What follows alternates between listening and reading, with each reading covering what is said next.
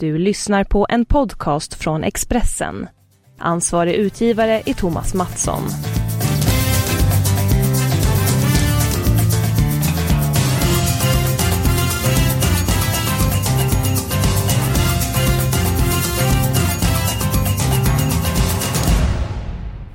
Veckorna de rullar på. Startskottet för Tips-SM gick förra helgen. Missar ni den omgången, häng inte läpp för det för ni kan fortfarande vara med i tävlingen. Den sämsta omgången räknas bort, eh, vilket ganska många är eh, tacksamma över. Man kan misslyckas en omgång, men ändå ta hem spelet. Eh, på tal om tips, SM Magnus, hur gick det för dig i helgen? Nej, det gick inte så bra som jag hade förväntat mig och hoppats. Så att eh, fick nöja mig med sex rätt. Så att jag hoppas att det blir den omgången som jag får eh, ta bort. Ja, absolut. Du hade lite otur Ditt drag Crystal Palace eh, var inte många minuter från en poäng borta mot Newcastle. Men det är många matcher som avgörs sent. Så vi får önska dig bättre lycka den här eh, veckan. Innan vi kastar oss över eh, kupongen. Everton var en positiv överraskning i fjol. Har inte gått lika bra den här säsongen. Mötte ett väldigt bra Arsenal i söndags. Förlorade med 5-2. Det såg inte bra ut defensivt. Efter den förlusten det är ett stora nederlaget så sparkas Ronald Koeman. Det är faktiskt den tredje managern, eller tränaren, som sparkats. Så det är bara nio omgångar som är avverkade i Premier League. Är detta en trend vi får eh, ägna oss, eller vänja oss vid framöver, Magnus? Vad tror du? Ja, det verkar så. Eh, tre managers på nio omgångar som har fått lämna, det är eh, anmärkningsvärt eh, många. Eh, vi har ju samma trend eh, i Sverige också, i fotbollen i stort. Då vi har under säsong har haft sex tränare som har, eller managers som har lämnat i Allsvenskan. Ja, det är, det är ju väldigt många. Om vi går tillbaka i din tid, 2004 till nu. Eh, vad beror att det är högre omsättning av tränare eller managers eh, nu jämfört med 15 år sedan? Vad, vad har du för analys? Analysen är att det är en liten spegling av samhället Eh, tålamodet är, eh, är klart eh, mindre Eh, på de flesta områden. Allting går fortare. Supporternas tålamod är eh, mycket kort eh, och med hjälp av sociala medier och media i stort så piskas det ganska snabbt upp en, upp en negativ och fördömande stämning. Vilket är, sätter ett väldigt tryck på styrelse och klubbledare då som allt oftare väljer att utifrån det agera.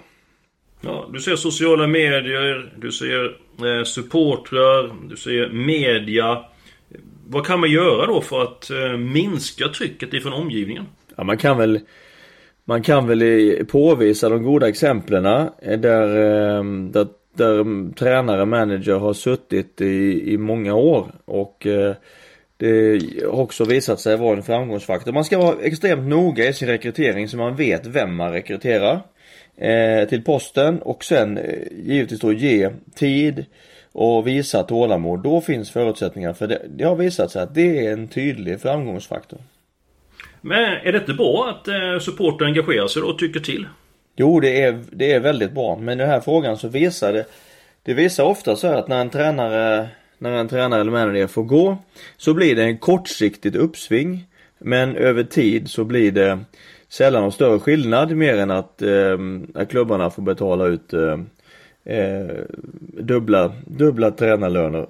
Man har, spelarmaterialet är kvar.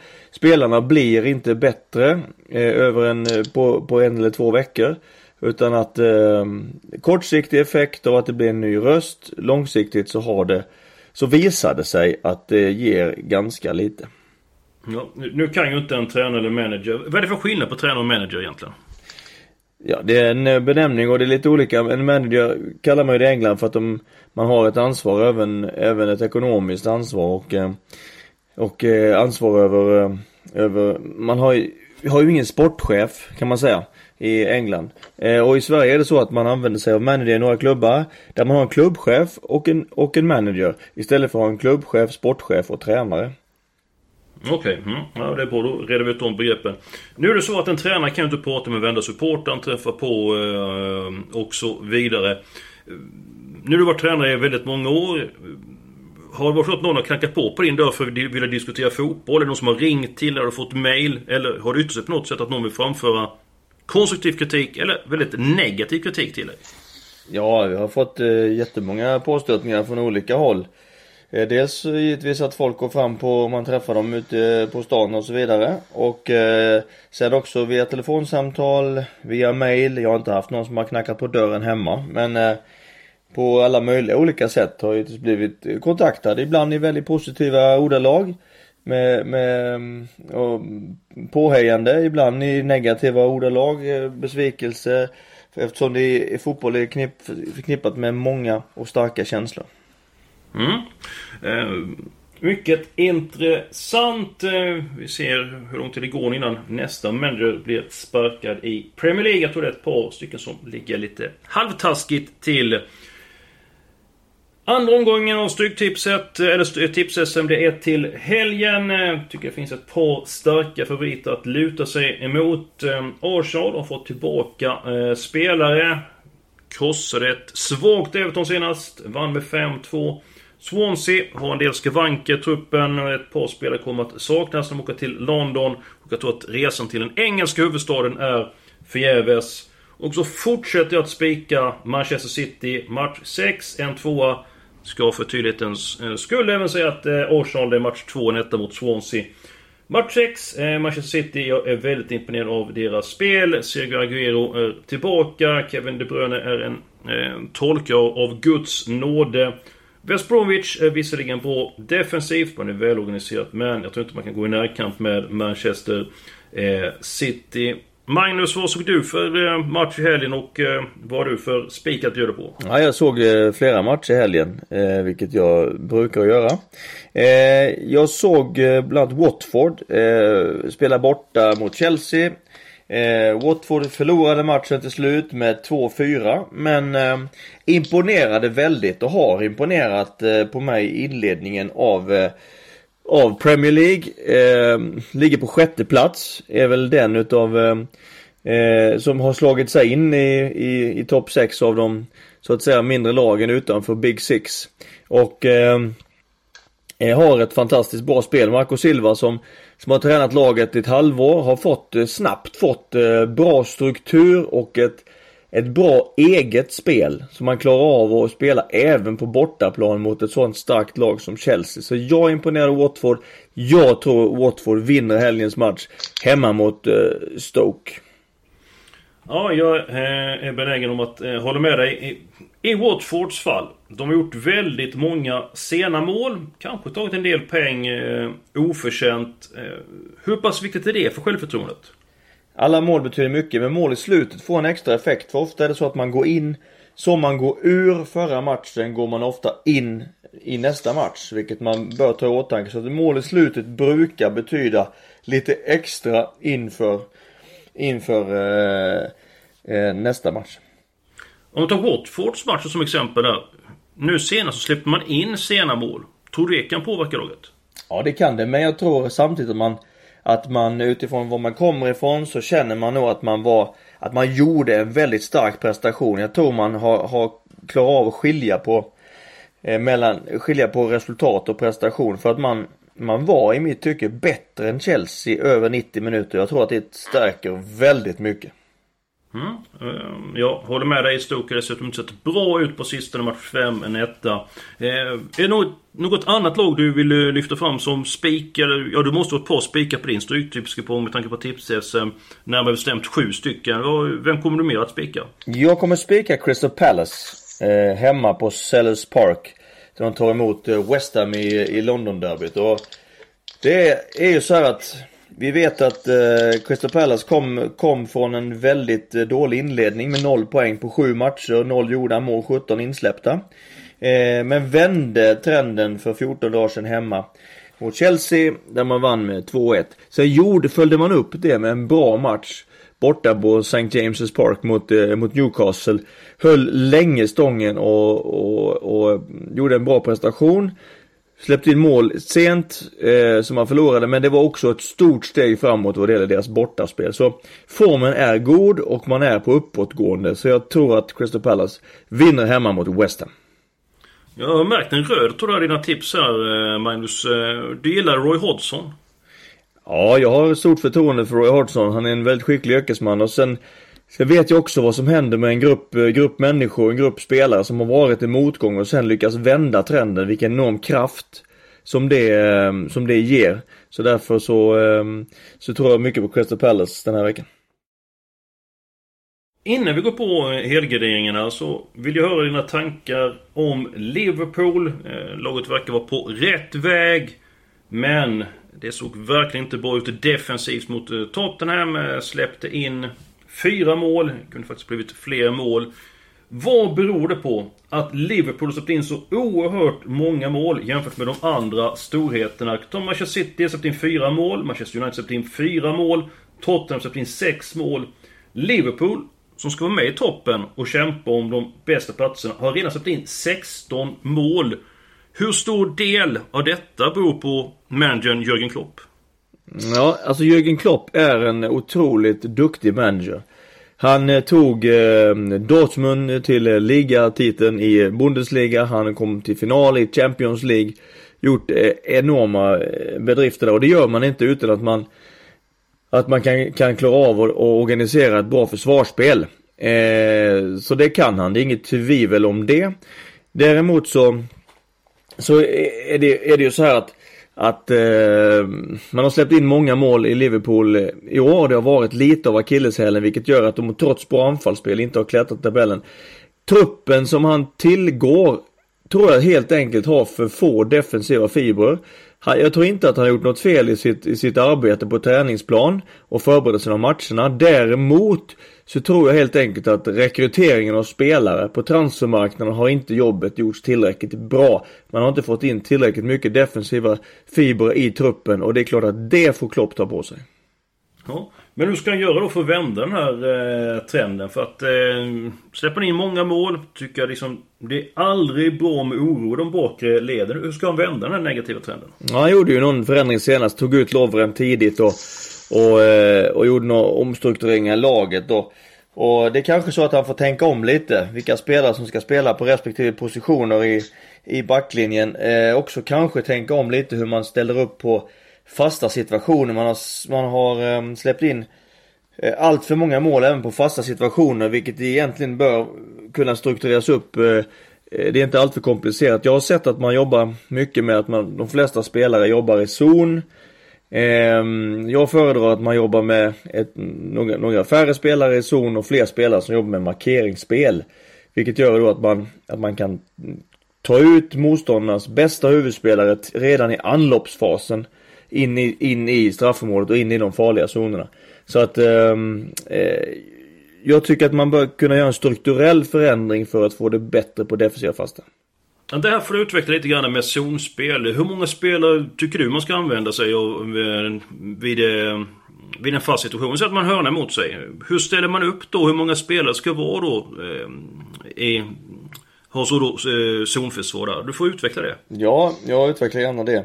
Det är ju så att det finns ju olika skolor på detta. Vissa lag väljer att markera med, med ja, så många som möjligt med i princip med alla.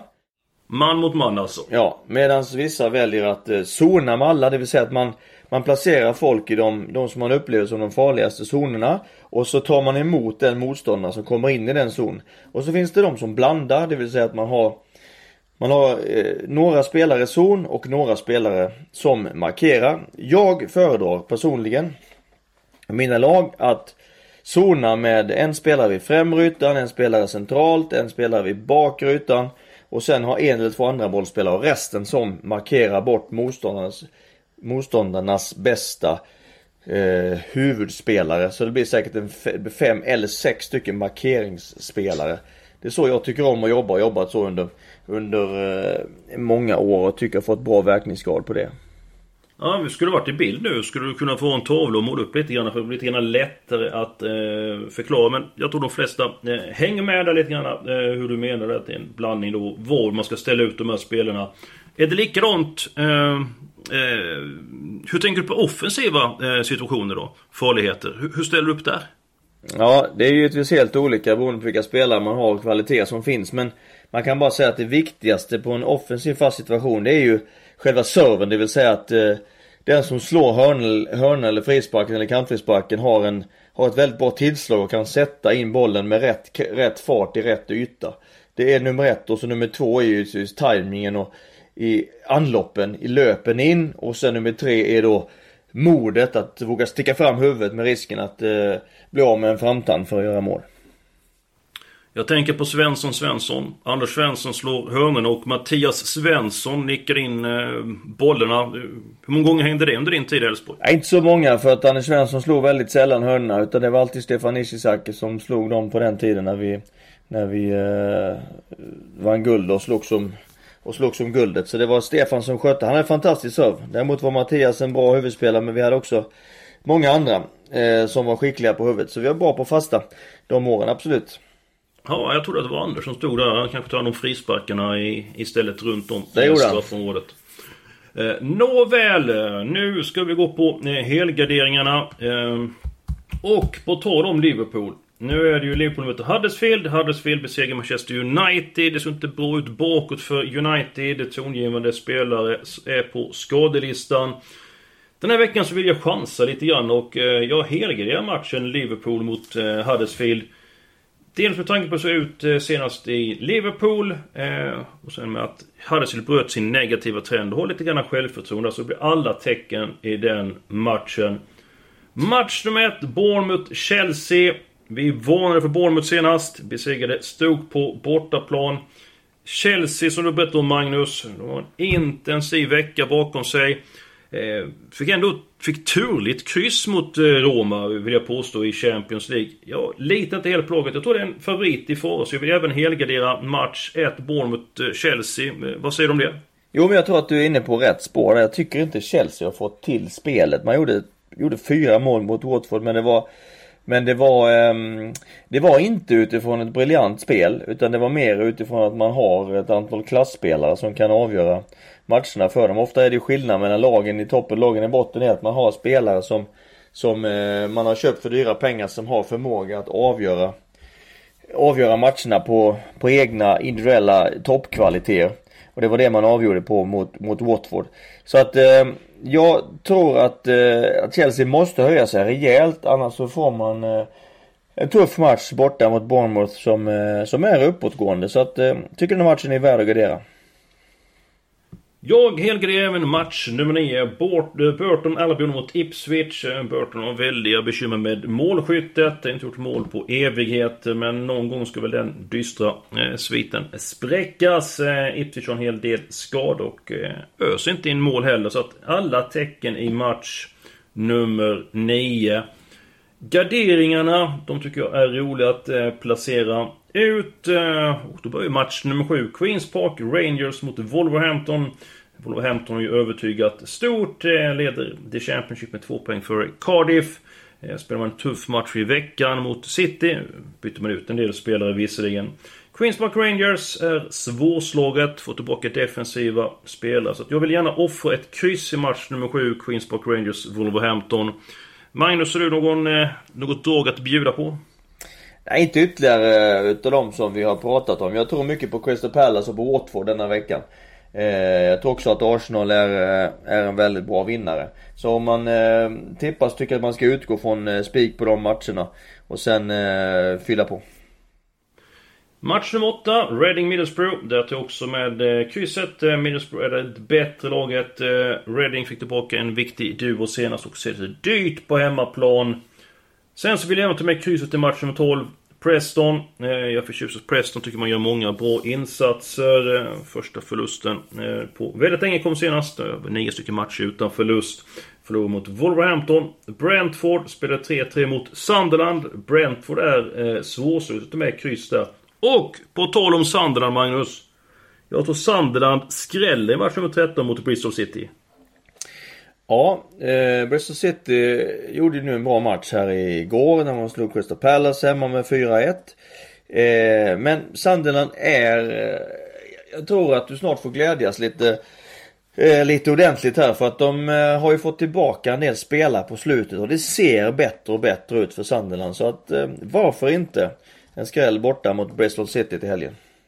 Ja, Sunderland spelar faktiskt hemma. Eh, vi spelar på Stadium of Light där. Ja, men det blir en skräll ändå. Då är, ju, då är ju förutsättningarna ännu bättre så att eh, ja, jag tycker vi har anledning att tro på Sunderland den här veckan. Ja, och de spelarna som vi får tillbaka. Lewis Grabben var tillbaka han gjorde två mål. Wessel snabbe Duncan Watford har ett par lopp i benen. Eh, ett par lopp, ett par matcher i benen. Eh, Adebeck Eidebeck Gidi är tillbaka så att ja, det, det ser bra ut. Så att vi spikar Sunderland i match nummer 13. Det var allt för den här veckan. Glöm inte att lämna in eh, ert förslag i tips-SM. Det kommer jag och Magnus att göra. Magnus och jag vi är med i Sunderland Forever. Får se hur det går för det laget. Eh, vi är ju inte inne på upploppet än så länge. Nästa vecka är vi tillbaka med en ny podd där vi snackar fotboll, vi snackar stryktips, snackar ett par snackisar som hänt. Missa inte det avsnittet.